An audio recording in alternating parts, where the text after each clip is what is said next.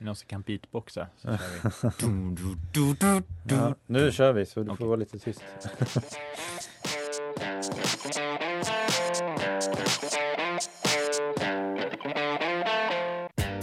Hej och välkommen till det 33 avsnittet av Tro och förnuft-podden som produceras av tidningen Sändaren i samarbete med Teologiska fakulteten vid Uppsala universitet och Newman-institutet.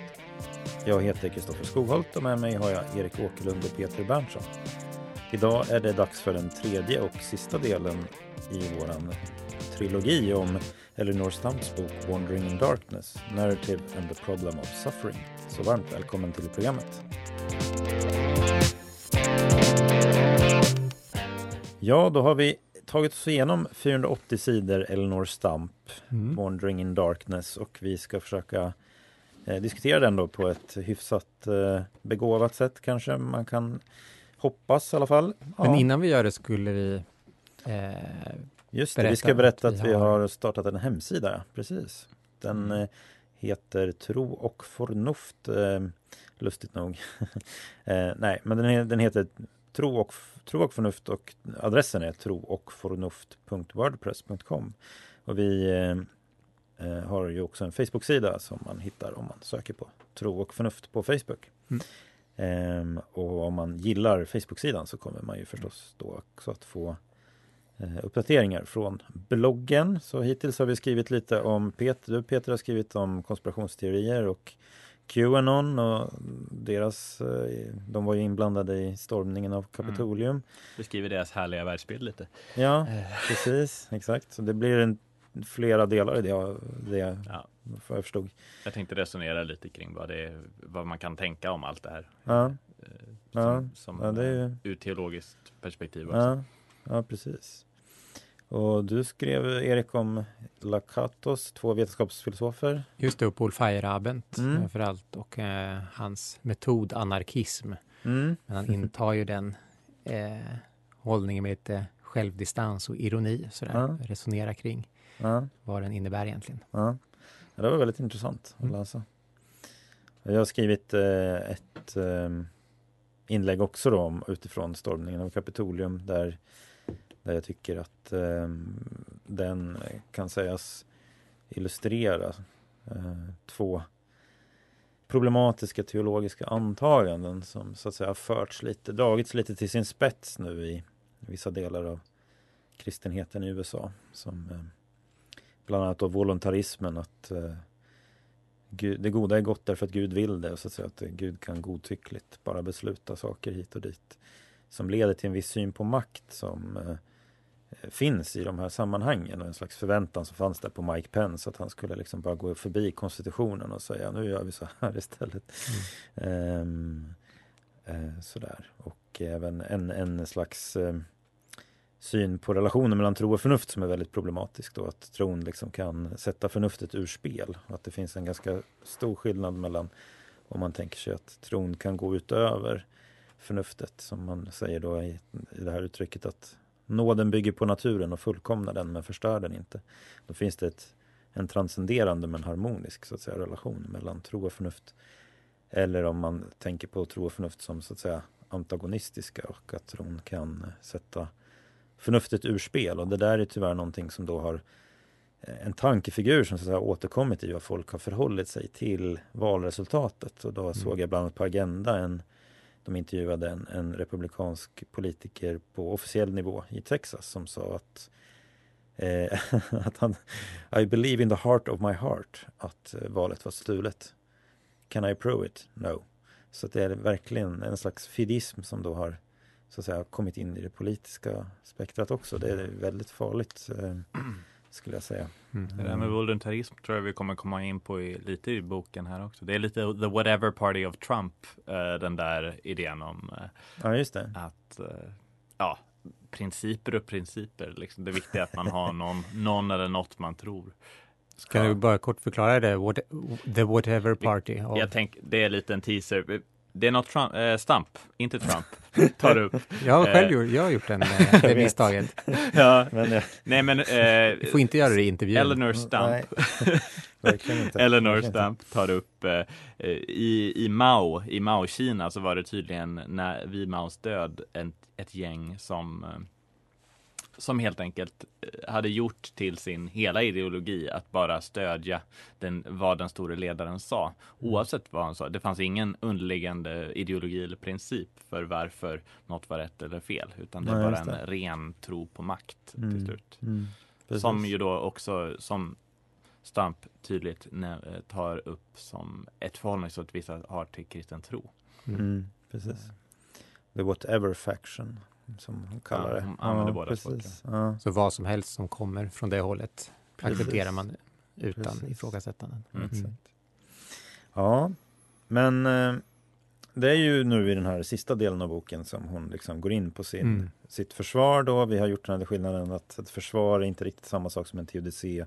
En teodicé är så att säga ett starkare anspråk om hur det verkligen förhåller sig. Ett försvar är mer ett slags logiskt, koherent och Eh, så att säga förenligt med det vi vet om den här världen men inte nödvändigtvis ett anspråk på att, att det är så att säga den, den sanna beskrivningen av hur Guds existens och det ondas existens går ihop. Då. Mm. Sen är ju det i slutändan är man ju så att säga mer intresserad av teodicéer än försvar och anledningen till att man är intresserad av försvar är ju för att det möjligtvis skulle kunna bli en teodicé eller vara en teodicé. Mm. Är det inte lite så också att Stamp ger ett försvar, men hon beskriver Aquino, Thomas av Aquinos teodicé. Det vill säga mm. han står ju för sitt, mm. det är så här det ligger mm. till. Absolut. Och Stamp tar ett, ett, ett, ett, steg tillbaka och bara, så här kan man tänka. Ja, mm. exakt.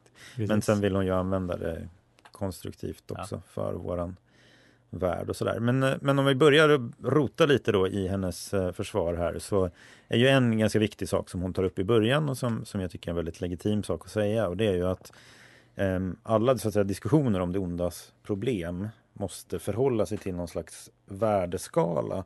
Någonting gott som så att säga det onda hotar eller utmanar och sådär. Mm. Um, och eh, eftersom teodicéer och teodicéproblemet har att göra med Guds kompatibilitet med det ondas existens så kan man inte bara utgå från en värdeskala vilken som helst utan det finns en slags rimlighet i att använda den religiösa tradition vars gudsbild man vill undersöka om den är kompatibel så att säga med det ondas existens. Då. Och det är ju en väldigt eh, bra eh, så att säga eh, synpunkt och sen finns det också många andra saker i en tradition som man måste ta hänsyn till. Till exempel att i nästan alla religiösa traditioner så, så finns det ju en tanke om att livet eh, är inte begränsat till den biologiska, det biologiska livet som vi lever 70 eller 80 år om det blir långt utan eh, liksom ett evigt liv då. Och eh, som Stamp säger då, så för Thomas av Aquino så är det högsta goda för människor är kärleksfull förening med andra personer framförallt Gud. så att mm. säga. Men det är en förening, kärleksfull förening med Gud tillsammans med andra. Det är vad mänskligt blomstrande innebär. Och hon pratar ju, dels om mänskligt blomstrande, så pratar hon om hjärtats begär eller hjärtats längtan. Mm. Som inte nödvändigtvis är bara så att säga kärleksfull förening med Gud. Utan det finns mycket annat som är gott som vi också söker och strävar efter och sådär. Ehm, och de här två sakerna som, som hon då vill henne, Hon har en väldigt ambitiös teodicé, eller försvar, ehm, där hon med hjälp av Aquino vill försöka reflektera kring hur lidande faktiskt kan vara i, så att säga, terapeutiskt kan man säga, för att människan ska uppnå kärleksfull förening mm. med andra personer. Eh, och en bara kort sak där om man säger om, om de här begären, hjärtats begär, hjärtats längtan. Den tyckte jag faktiskt var väldigt intressant för att säga att vi kan söka efter saker på ett så att säga individuellt eh, första persons sätt. Så att säga. Jag vill säga att jag vill eh, skriva en bra bok eller jag vill vinna den här tävlingen eller så vidare. Så vidare. Men det som händer i relationen med Gud är inte att vi så att säga ska ge upp alla dem för hjärtats längtan. Utan det är att de kan bli integrerade i den här relationen med Gud. Och då börjar vi så att säga söka dem och se dem som gåvor. Och de är gåvor från Gud till oss men de blir också på ett sätt gåvor från oss till Gud. Mm. Därför att vårat bruk av våra gåvor i tacksamhet och relation till Gud mm. blir en gåva till Gud. Så att säga. Mm. Kan, kan vi eh, stanna upp inför mm. det? För jag, jag tyckte att det var en, en av de mest intressanta aspekterna hon tar upp i den här. För det är ju delvis om jag förstår henne rätt så menar hon att den där sidan som om the desires of the heart, vad vi, våra hjärtan längtar efter.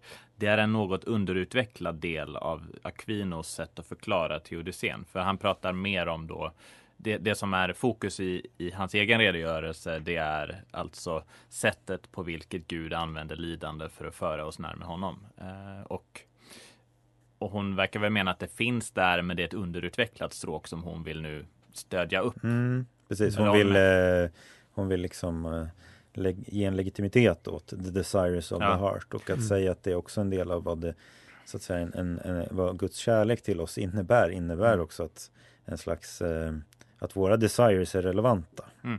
Och, jag, och, jag, tycker det är så intressant för det är något jag har kämpat med mycket i mötet med kyrkofäder och i mötet med liksom den stora kyrkans tradition. För hon identifierar egentligen två stycken stråk som jag också har tänkt på länge att det finns.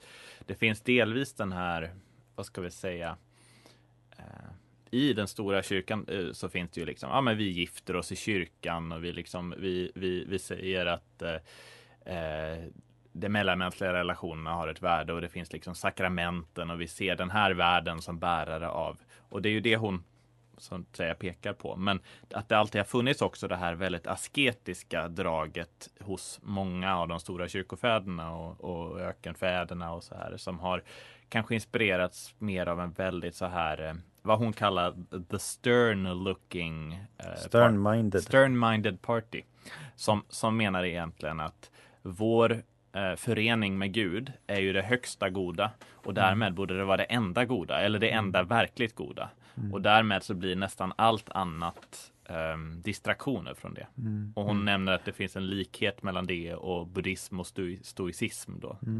Ja, Buddhismen säger ju att liksom en av de fyra ädla sanningarna är ju att liksom vi, eh, vi har lidande och begäret eller livstörsten är det som skapar lidandet. Och därför är vägen till eh, befrielse är helt enkelt att ta bort lidande, ta bort begäret i sig. Mm. Och, det, och det, den asketiska filosofin har ju funnits som ett i någon form hos många håll. Hon pekar på flera. Mm. Och, och, jag tycker det är, ro, det, det är spännande och eh, befriande att hon tydligt liksom gör upp med den idén mm. eller vad den kan leda till. Jag tänker att det är en skillnad mellan att tänka analogt eller dialektiskt om eh, världen mm. mm. eh, och Guds relation, världens relation till Gud.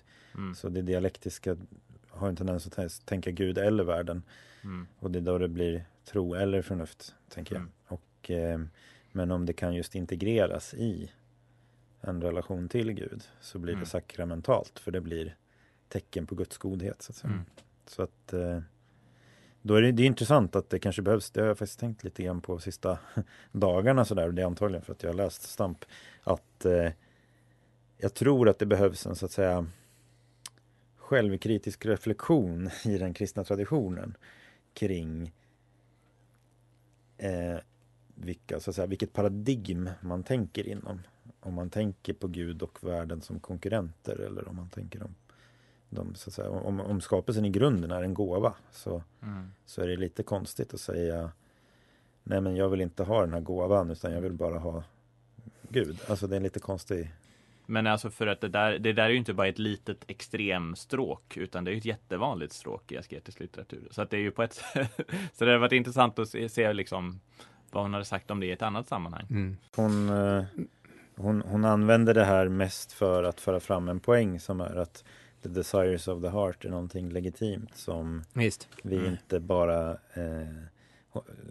det, det, är ju det som är hennes poäng. Så att säga. Och jag tror att det med, om man tittar på just vad hon lägger till eh, mm. Thomas då, mm. då gör hon ju egentligen det mycket mot bakgrund av eh, drag hos människan som man har framhävt under 1900-talet. En personalistisk filosofi, Martin Bobers jag-du-filosofi. Alltså man har ju reflekterat kring just signifikansen av den här jag-du-relationen väldigt mycket. Mm. Och det är väl det hon lyfter in egentligen. Mm. Och det är väl så man får tolka hon har skrivit de här berättelserna.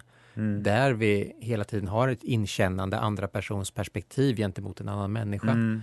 Eh, mm. och att det, det är det eh, perspektivet vi också mm. eh, för in här, det franciskanska. Mm. Mm. Jag måste säga för, för min egen del att det inte riktigt har landat lite och jag tror att det har att göra med att jag inte, ännu inte riktigt för mig själv har fått ihop de, de här eh, franciskanska och dominikanska delarna eh, hos henne. Alltså det franciskanska som är det där mer mm. att gå till hjärtat och mm. affekterna och känslorna mm. som, mm. har, som har en legitimitet, eh, precis som hon mm. skriver fast hon samtidigt gör det på, då på, som mm. hon själv säger, ett väldigt dominikanskt mm. sätt. Och precis. Eh, alltså med, med ganska precisa analyser och väldigt noggrann med det här med eh, ja. att det var som ett försvar och en teodicé och sånt ja. där. Så det är ju en otroligt rik bok. Ursäkta, nu kommer jag kanske in på en övergripande... Nej, men jag vill bara ja. plocka upp en sak i det du säger mm. där. För att jag, jag tänker att um, Alltså det som är hennes övergripande tes det är ju att ja, men mänsklig blomstring det är kärleksfull förening med andra eh, personer och det köper jag och jag tycker att det är en intressant analys av människan också. Liksom har en viss annan betoning än, än ett synsätt på människan som, som så att säga ett rationellt djur och att det liksom främst är att vi är kognitivt väldigt smarta så att säga utan det är mer fokus på, på kärleksrelationen mm. eh, och så vidare. Eh, så att jag köper det och jag köper också att eh, lidande kan hjälpa till med den process hon, hon pratar om att förening med andra kräver så att säga en förening med sig själv, mm. att man blir mer internt integrerad. Och då är det ju dels eh, Dels är det ju eh, att man blir mer eh, transparent för sig själv och för andra. Att man blir mer ärlig så att mm. säga. Och att det kan finnas så att säga då en aspekt av lidandet som som kanske för en till den punkten av en större ärlighet och sådär. Eh, inom parentes så skulle jag bara säga att eh, jag läste någon gång en eh, återgivning av den här eh, texten Den förlorade sonen. Och enligt, grund, enligt den här personen som skrev det här då så, så står det att han kommer till sig själv när han eh, är där i bland svinen och återvänder hem och så mm. vidare till till pappan och sådär. Parentes. Men så jag köper att liksom det finns en positiv så att säga. Det finns en potential för positiva processer genom lidande. Det köper jag. Eh, men frågan är hur pass global man mm. kan göra den positiviteten. Och där funderar jag på mm. om det franciskanska och det dominikanska hos henne mm. får en obalans. För hon har sett någonting i det franciskanska men sen mm. gör hon ett väldigt stort system av det. Jag funderar också på det, ja. men jag är inte riktigt klar eh, över det än. Men jag tror att det är... För hon kritiserar ju själv behandlingar utav lidandets problem ganska på många ställen i boken och ganska länge.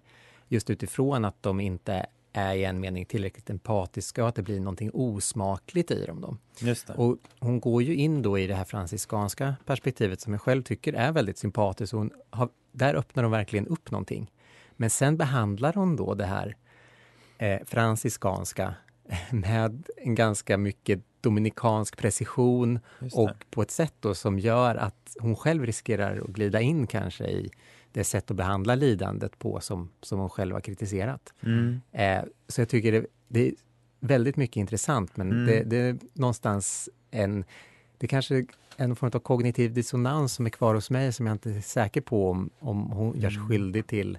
Mm. Eh, Nej, om, för att, för att vi pratade lite innan där om att, att ett sätt att läsa det är ju så att säga att se, se på det lite i, i kanske traditionen av filosofiska andliga övningar ja. som vi pratade om när vi läste Pierre mm. Hadot. Alltså mm. ett sätt att se på världen och i det här fallet se på lidandet då som har en, en potentiell positivitet mm. så att säga. Men de, den måste så att säga, det är en, det är en skillnad på att, att se på det sättet och att tro att man så att säga täcker in allting. Det är lite olika saker. Men, men jag skulle bara säga att jag tror att den kristna tron behöver ett sätt att se på lidande som inte bara ser det som negativt. Mm. Mm. Och jag tror att vi behöver det ännu mer i en evolutionär världsbild.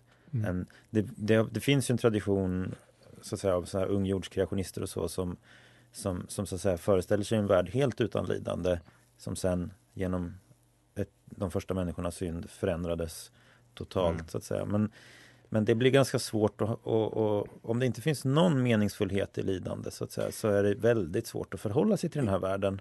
Eh, och, och där tror jag att, alltså, jag tänker att en av Jordan Petersons poänger till exempel är att han skapar en existentiell beredskap hos människor att förhålla sig till lidande som någonting som de potentiellt kan växa igenom. Mm.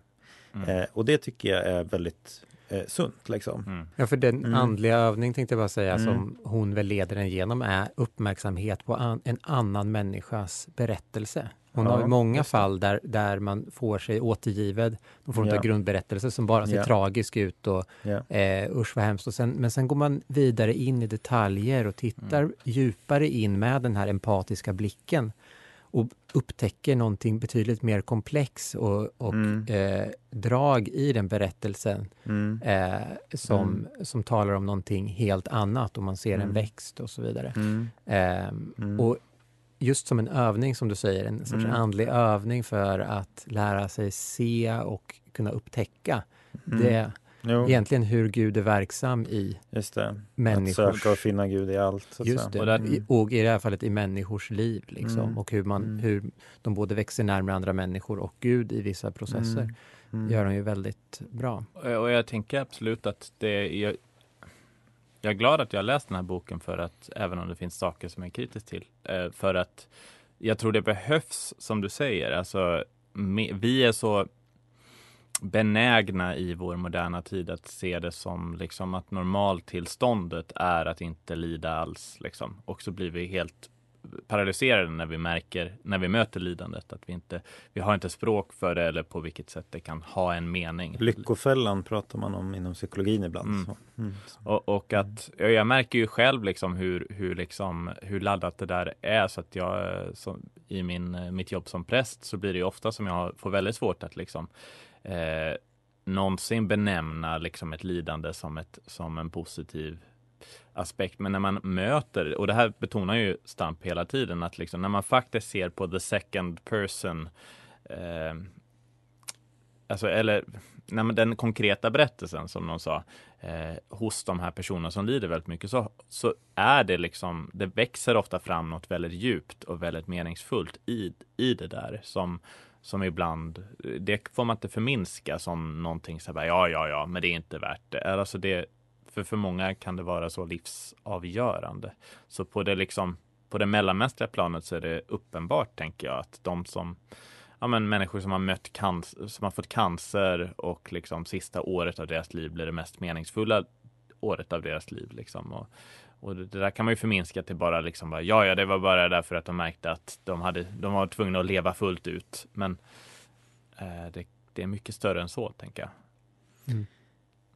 Ja, hon citerar ju en del forskning i psykologin och sådär utifrån som benämner posttraumatisk växt då, eller posttraumatic growth. Mm. Det, var, det är väldigt intressant så att säga och, och eh, eh, jag tror att det kan vara så att säga meningsfullt och värdefullt att ha en eh, ja, som man kallar det för sensibilitet kanske för, för det potentiellt positiva mm. i lidande samtidigt som hon ju också återkommer hela tiden till att men det här tar inte bort det faktum att det är lidande. Mm. Mm. Och att det är eh, sorg och negativitet liksom där. Så det är också viktigt att komma ihåg. så att säga.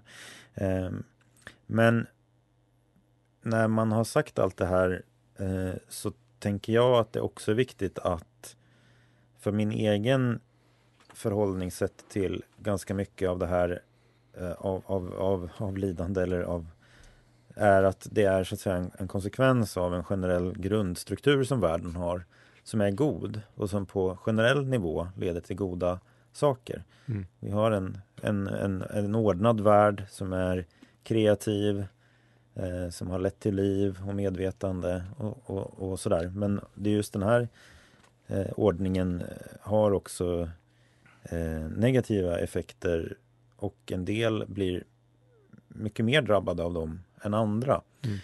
Och då menar jag att en, en, liksom, en adekvat teodicé behöver eh, möjliggöra för att Gud så att säga kompenserar och möter de människorna så att säga utanför systemet.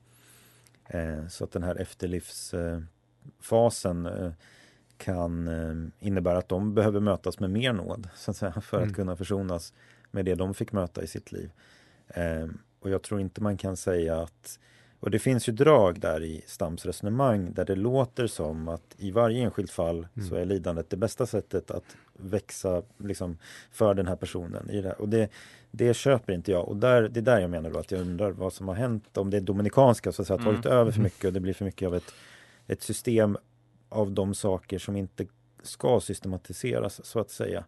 För bara ta ett enkelt exempel skillnaden mellan att tänka att vi har fått en fri vilja därför att det möjliggör eh, att vi kan göra moraliskt signifikanta val. Men Gud eh, så att säga kollar inte inför varje beslut som jag tar om, om, om det kommer att vara det bästa. Säg att jag gör någonting ont så att säga, mot en annan människa så är inte anledningen till att Gud tillåter det för att det är det bästa sättet för den där personen att uppnå en större närvaro, närhet till Gud. Så att säga. Utan tyvärr så, så leder ju en moralisk frihet eh, som ska vara en moralisk frihet också till negativa och onda konsekvenser för andra. Eh, så, så där skulle jag lägga det mer på att det finns en generell grundstruktur som är god. Mm. Men eh, den eh, innebär en, en, möjlighet till negativitet och det innebär inte att den negativiteten i varje enskilt fall så att säga det bästa sättet för, för den personen som drabbas av det att mm. Mogna. Då. Mm. Eh, ja, för det blir väldigt konstigt att tänka sig att varenda instans av lidande i en människas liv är en är liksom någonting Gud tillät med förhoppningen. Ja, men hoppas nu de fattar att det här ska leda till omvändelse eller till helgelse. Liksom så här, det finns ju så många exempel på lidande där det är uppenbart att ingen kommer lära sig någonting av det här. Liksom, alltså, I alla fall inte i de direkt drabbade personerna. Det finns så många berättelser på nej, demonisk nej, ondska. Liksom. Ja. Nej, precis. Och där är det ju, det är en intressant bok att läsa för att den är å ena sidan en bok där man så att säga eh, på ett sätt kanske det inte finns någon bok som jag hållit med om så mycket och hållit, inte hållit med om så att mm. säga mm. i vissa andra delar. Eh, så mycket. Eh, så att den inte, men, men eh, och samtidigt så finns det så att säga också då aspekter av att eh, saker och ting är inte helt transparenta för oss som hon tar upp mm. också. Som jag tycker också är en viktig aspekt att, att se så att säga. Vi ser inte alltid själva så att säga mm. vad eh, lidandet haft för konsekvenser i våra egna liv och sådär. Mm. Eh, men eh, det kan och så. Men det är poängen om mm. Thomas av Aquino att han menar att Gud inte är obegriplig men däremot människan så att säga. Och vi förstår inte oss själva. Och det är väl en sån Nej. erfarenhet man eh, ofta gör. Att, eh, man önskar någonting och när man väl uppnår det så märker man att det, inte det inte var så bra i slutändan. Alltså vi vet inte riktigt vad vår djupaste längtan är då. Nej, men, och jag skulle säga att jag hade varit mycket mindre frustrerad med den här boken om hon inte utgav sig för att ge sig i kast med ondskans problem som helhet egentligen, utan egentligen pratade mer om ordinary suffering. Men gör hon det? Hon säger i och för sig att det är ordinary suffering ju. Hon säger det adult human Oh, fully ja, functioning. Hon begränsar det till hon begränsar vuxna, till... handlingsförmögna ja, eh, okay. människor så... och så vidare. Lidande för dem, det, det, det är en sån Mm. Hon har ju väldigt många. Det men det är väl ändå sådana mm. saker som, det är ju ändå så att säga sådana saker som cancer och liksom, mm. det är ju inte bara Nej, så att, säga, att man blev av med jobbet och fick vara arbetslös i två månader Nej, och så, mm. utan det är ju ganska allvarliga. Men, men, mm. och det där jag funderade lite på för att när hon skriver till exempel att hon undandrar förintelsen och sådana här mm. saker. Mm. Hon tog däremot upp andra värld, första världskriget. Ja, precis. Um, så, så, så blir det lite så här fundersam på, är det ett filosofiskt påstående hon gör där? Mm. Eller är det ett så att säga mellanmänskligt mm. påstående? Precis. Av respekt för ja, den andra personens. Ja, och jag tror att det är det andra. Det, det tror är. jag också. Mm. Och då blir den filosofiska problematiken kvarstår ju då. Ja. Så att säga. Eh, så att, eh, Men det är väl ett mm. väldigt bra exempel på hur det här, de här två mm. franciskanska och det dominikanska mm. inte helt gifter sig alltid och där man inte riktigt vet vad som är vad. Då. Nej, eh, nej. Så, Nej men exakt. Men det där... är ju helt uppenbart att hon själv har båda sidorna väldigt starkt. Hon, hon ja. själv har en väldigt skarp analytisk förmåga och hon har en väldigt stark empatisk mm. förmåga att kunna mm. läsa till exempel de här bibliska mm. berättelserna mm. som hon gör. Mm. tyder på en enorm inlevelseförmåga och även i andra berättelser som hon, ja. som hon har. Så hon har båda de här sidorna. Exakt, men jag det tror kanske att... är en kamp för henne också att få ihop ja, det kan det vara. sidor ja, det hos sig själv. Men jag, för det jag tänker att, att man skulle kunna säga så här då, att hennes projekt är att, så att säga, ge vissa paradigmatiska exempel på mm. som illustrerar och så att säga avslöjar om man vill säga den, liksom den frälsande potentialen i lidande erfarenheter. Ja, och hur de kan försonas på ett paradigmatiskt sätt. Ja. Och det kan ge oss en, en slags målbild att sträva emot, söka efter. Mm. på något sätt säga, Gud jag önskar att det får vara på det här sättet. Liksom. Jag mm. kan inte se hur det blir det nu.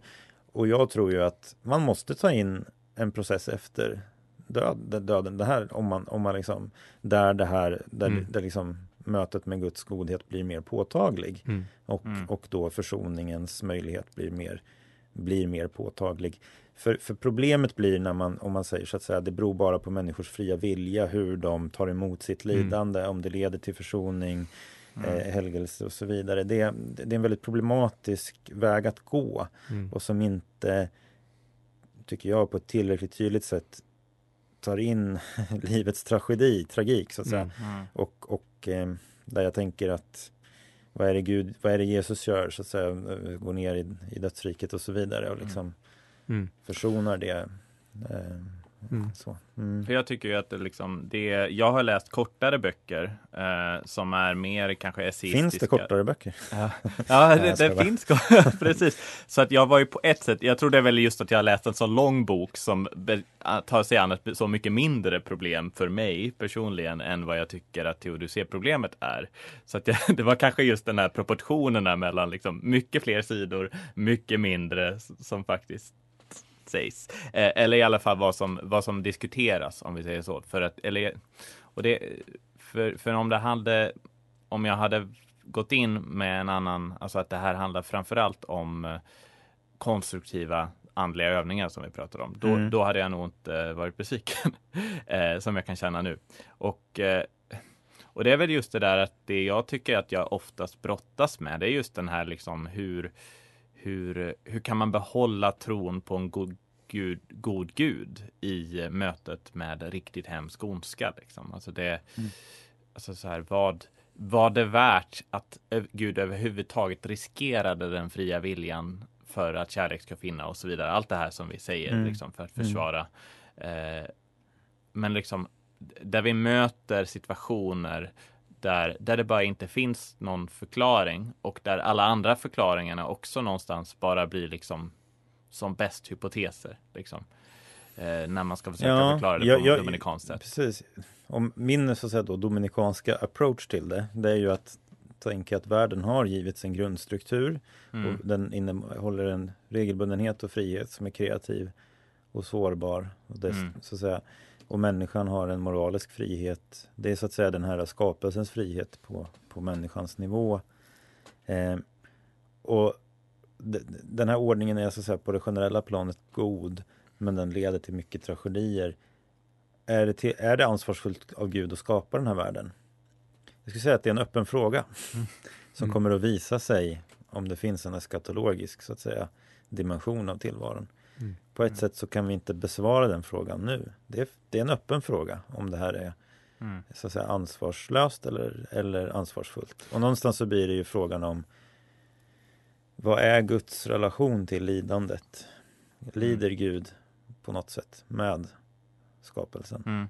Eh, och då, då tänker jag att det, det är den kristna trons, mm. så att säga. Inkarnationen är ett paradigma, det är liksom det manifestationen av mm. det. Mm. Liksom. För utan inkarnationen så blir det så lätt att få bilden av världen i relation till Gud som liksom en, en ett terrarium med eh, råttor som springer runt och har, har det jobbigt liksom och att Gud med kastar ner små, små pellets och sådär eh, och gör lite experiment. Men, men den kristna tron säger ju att liksom Gud blev, Gud steg ner i det där terrariet i så fall. Och det är en del av honom själv. Alltså det finns en Guds allestädes närvaro i sin kärlek. Så ja, säga, och den precis. föreningen som på något sätt det innebär. Alltså att mm.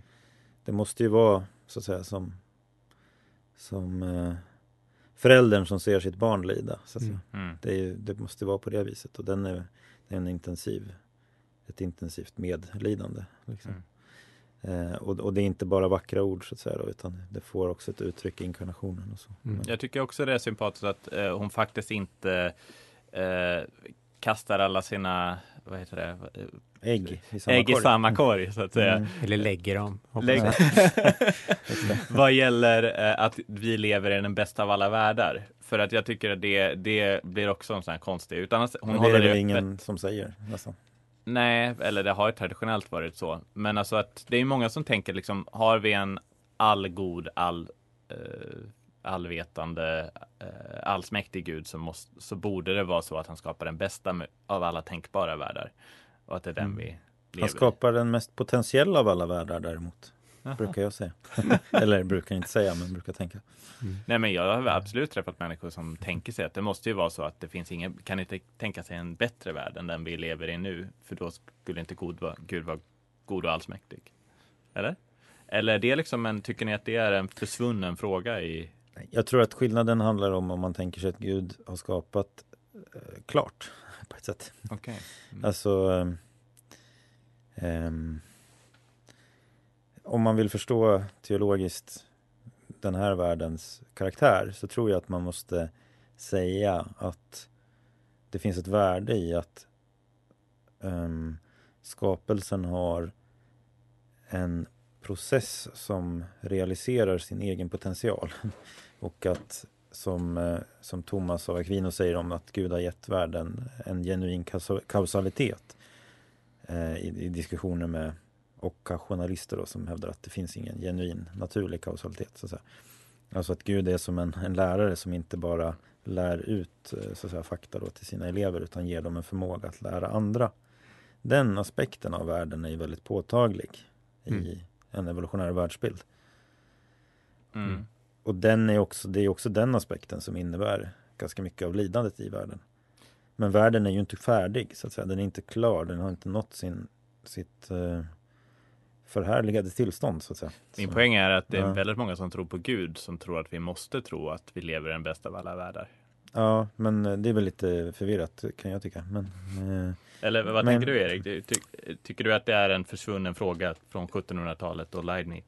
Eller vad? Ja, det- man förknippar den ju med Leibniz och sen förknippar man väl någon form av eh, nedgång av den synen med, att, eh, eh, med Voltaires kritik Mm. eh, och jordbävningen i Lissabon 1755 och så vidare. Det är ju den, då den bäst, bästa av alla möjliga världar. Men, ehm, men sj- själv, jag vet inte exakt hur det relaterar till, till det här. Själv, själv har jag nog tänkt ganska uppdelat eh, mellan å ena sidan eh, det logiska problemet. Hur, hur, kan det finna, hur kan det finnas någonting som är absolut gott och som har skapat allting? Å ena sidan och så finns det ondska i världen, alltså som, en, som ett logiskt problem. Och där skulle min ingång mer vara det här med att eh, det som är ont, det som är dåligt är ingenting i sig eh, positivt existerande utan är någon form av brist.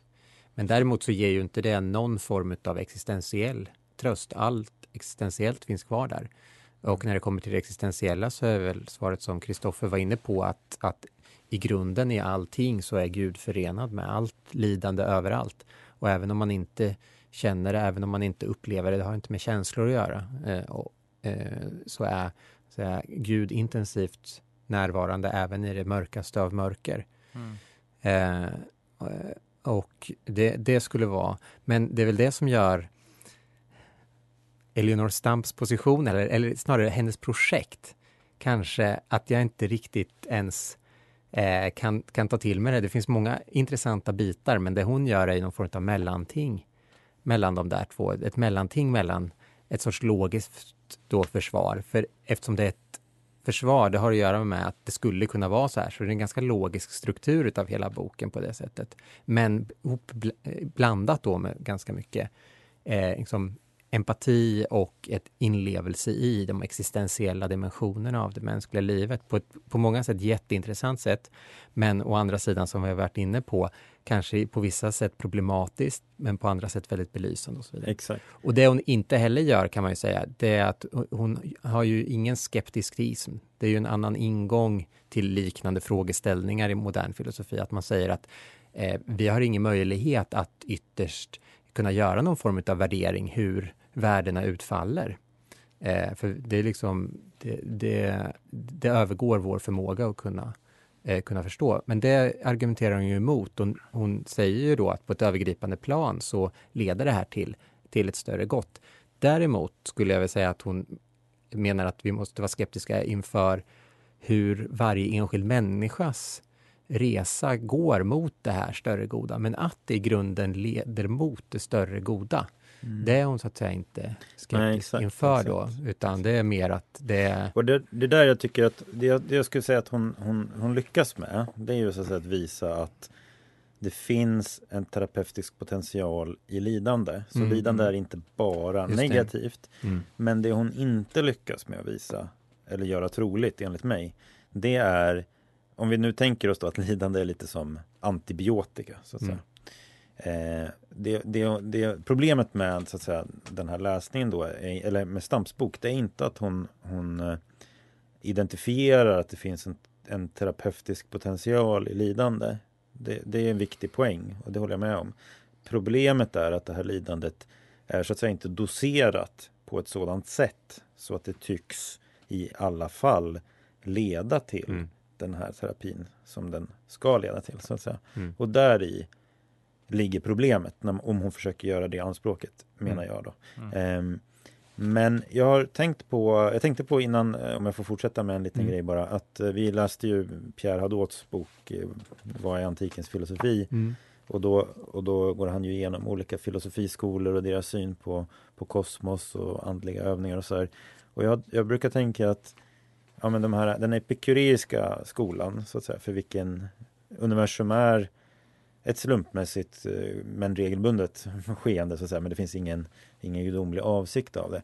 Den, på ett sätt så gör den det eh, så att säga lite lätt den, på ett sätt så gör den det lättare att förhålla sig till det onda så att säga. Mm. Och det finns också en aspekt i det perspektivet som gör att det goda blir nästan ännu mera eh, gratuitous eller förvånande. Eller så här. För om, om vi nu tänker på universum att det, så bara, det var en explosion liksom, för 13 mm. miljarder år sedan och så ledde det till allt det här. Mm. Och jag kan ha en enda bra dag i mitt liv. Det är helt sjukt. Liksom. Och, och, och, och medan tron då på en allsmäktig god gud så att säga, nästan inverterar de här och skapar sådana förväntningar mm. i värsta fall på livet som gör att nej, jag har haft en dålig dag. Hur i helvete går det här ihop? Liksom, med att det finns en god gud och så vidare. Och, och då tänker jag mig att, det, alltså då blir det så här, ja, skevt på något sätt, men att då, då, på det viset så, så gör ju den här läsningen av lidandets positiva potentialitet någonting mm. med så att säga eh, förväntningarna och sådär och att det är sånt mm. som vi har varit inne, alltså kanske säkert nämnt förut i podden med att den Irenaeus, eh, kyrkofadern från Lyon eh, som blev typ 100, slutet av 100-talet va? Eh, som, som, ju, som ju tänker sig att människan har fötts in i en, i en ofullkomlig värld delvis för att växa liksom, i mötet med den. Och jag tror att den kristna traditionen behöver de här redskapen och nycklarna för att förhålla sig till, mm. till lidandet som faktiskt är en systematisk aspekt av den värld som Gud har skapat. Mm. Så är det. Liksom. Även om många av oss moderna kristna, västerländska kristna, har liksom har, har vänt på det och tänkt att eh, allt lidande är så att säga en alien intrusion så att säga. Mm. För det är ju så att i en teistisk världsbild så att säga så så är det ju då å ena sidan så att allting är gåvor så att säga och om man har kommit till den eh, eh så att säga andliga mognaden då så att säga att man, att man liksom på något sätt kan ta emot allting som gåvor så är det, det är ju en, i sig en gåva kan man säga. Mm. Men det finns också en, en, en slags fara i eh, det förhållningssättet att allt som sker är, så att säga, har en personlig avsändare. Mm. Och det är att det onda kan så att säga, slå ännu hårdare eh, som är med Viktor Frankl-boken vi läste så att det var ju liksom inte den fysiska smärtan han beskrev eh, som var värst utan det var ju att folk gjorde det liksom. Mm. och nu det är inte så vi förstår Gud liksom men, men det finns en viss eh, komplexitet så att säga i tron på en personlig Gud men en regelbunden värld mm. som leder till eh, leder till ondska eh, men som har en god regelbundenhet men som också leder till ondska. Mm. Och då blir väl så att säga förhoppningen om man nu så att säga då tar de logiska konsekvenserna av att tro på en god gud att det inte är sista ordet så att säga. Mm. Den, de erfarenheterna är inte sista ordet. Men jag vet att du eh, Erik har, har tidigare varit in, influerad av en, en dominikan som heter Brian Davis. Mm. Uh, ja, han eh, tar ju också förstås upp tanketrådar från Thomas av Aquino men på ett helt annat sätt utifrån den här eh, klassiska svaret på mer utav logiska problemet med, med ondskan. Då. Eh, nämligen som jag nämnde förut där att Gud har skapat allting, allting kommer av Gud. Men, eh, och allting är då gott, men inte i en moralisk bemärkelse egentligen, utan eh, det är gott för att det har kommit av Gud och man kan stava ut det som att det är möjliga objekt för vår vilja eller någonting sånt där.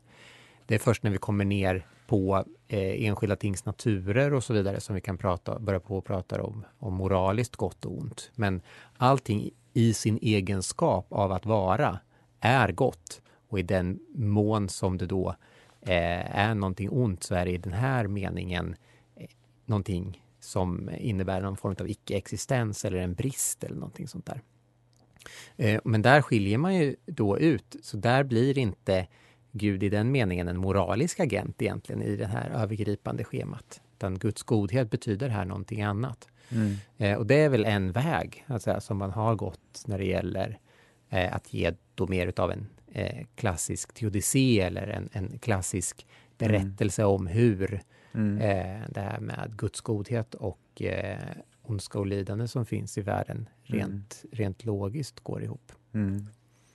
Så Gud är inte så mycket så att säga den som orkestrerar det enskilda som händer i den enskildes liv som han är den ontologiska grunden för en värld. Mm. Som är Närvarande i den meningen att mm. han överallt upprätthåller mm. och ger allt dess ja, eh, vara så att säga. Men, Exakt. men eh, kanske med, med, en sorts betoning av att inte mm. ha en alltför antropomorf. Mm. Nej, eh, ja, det finns ju en risk att, att man ser Gud så att säga då som en researrangör för för min resa här på, på jorden och sådär och då får man förväntningar på Gud som kanske inte Ja, mm. det är en öppen fråga om det är korrekta liksom, mm.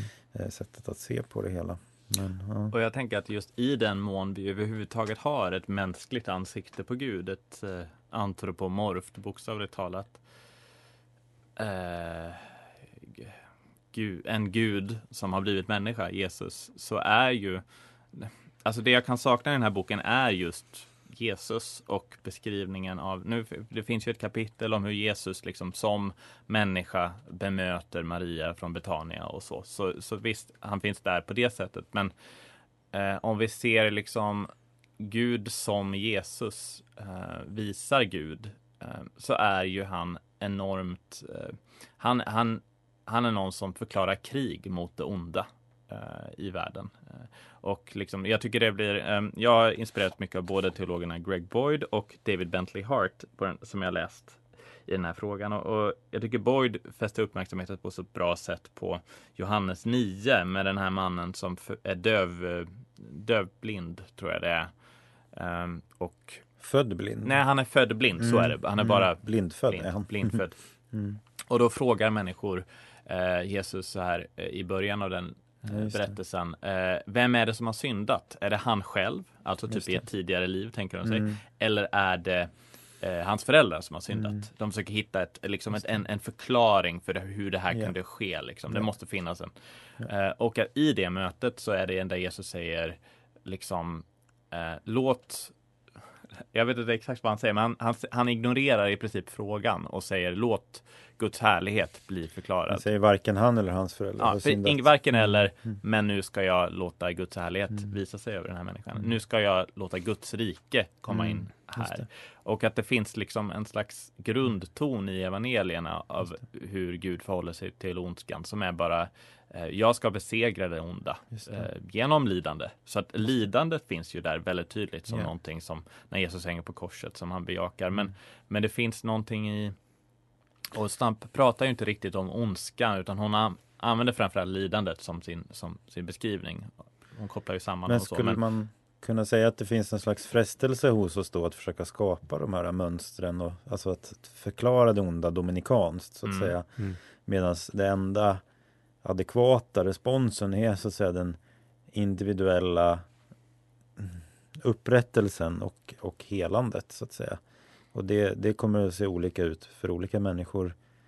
Och mm. enligt liksom en ganska vanlig föreställning så, så finns ju också den processen efter döden. Liksom. Mm. Mm. Ja, nej, men som jag sa till er tidigare här eh, så är jag ju lite mer benägen åt en mer dualistisk sätt att se på det onda och det goda vad gäller alltså att eh, eh, jag har väldigt svårt att liksom allt för tydligt sätta Gud bakom spakarna kring sådana här saker. Eh, kring, kring liksom att hela tiden ta perspektivet av liksom det onda som någonting Gud eh, tillåter. Vi, I en mer aktiv mening. I en mer aktiv mm. mening, just i det mm. där. Och liksom jag tänker på Lina Sandell-sången som jag sjunger eh, hela, mm. på dop och begravningar hela tiden. Där det är liksom eh, vad han ger och vad, vad han tar, tar och vad han giver, samme fader han dock bliver. Och liksom, det finns ju, det är ju från jobb liksom. Eh, Herren tar, Herren ger igen. Eller eh, välsignat vare Herrens namn. Att det finns någonting. Ja, det, man behöver i alla fall säga att det, är så här, det här är inte lika mycket vem Gud är som Gud på, som hänger på korset och lider för världen. Nej, men så, så, så är det ju. Och där eh, alla behöver ju så att säga en distinktion mellan vad Gud avser och vad Gud mm. tillåter. Men just den skillnaden blev nästan lite svår att upprätthålla i vissa delar av hennes mm. resonemang skulle jag säga. Just för att hon säger, hon har ju sådana ambitiösa så att säga, anspråk om att, att lidandet är också det bästa tillgängliga medlet mm. för att uppnå eh, det här blomstrandet då, i termer av förening med Gud och så. Mm. Eh, men ja, nej, det, det börjar bli dags att avrunda och vi ska ju ha ett samtal med henne om mm. en vecka blir det ju. Um, får vi se om det kommer ut uh, precis en vecka efter det här avsnittet. Det kanske vi väntar en ytterligare en vecka innan vi lägger ut det. Det får vi se. Men det ska bli spännande. Och um, jag skulle vilja säga då att för egen del i alla fall så har det varit en väldigt givande läsning. Hela boken är väldigt mm. givande. Mm. Och det finns otroligt mycket att ta fasta på mm. oavsett vad man tycker om liksom, den generella försvaret till slutändan. Så att mm. säga. Det finns väldigt mycket i det som, eh, som man eh, kan ta till sig så att säga, oberoende av det. Så det har väldigt, varit belönande att läsa. Liksom. Mm. Eh, och vi har också lagt ut på våran blogg en liten kort video eh, intervju med henne där hon eh, där man får en känsla för hennes stil skulle jag vilja mm. säga. Mm. Verkligen. Mm. Ja, men vi säger väl tack för idag. Tack så mycket. Och så tack. hörs vi snart igen. Mm. mm. Tack. Hej då.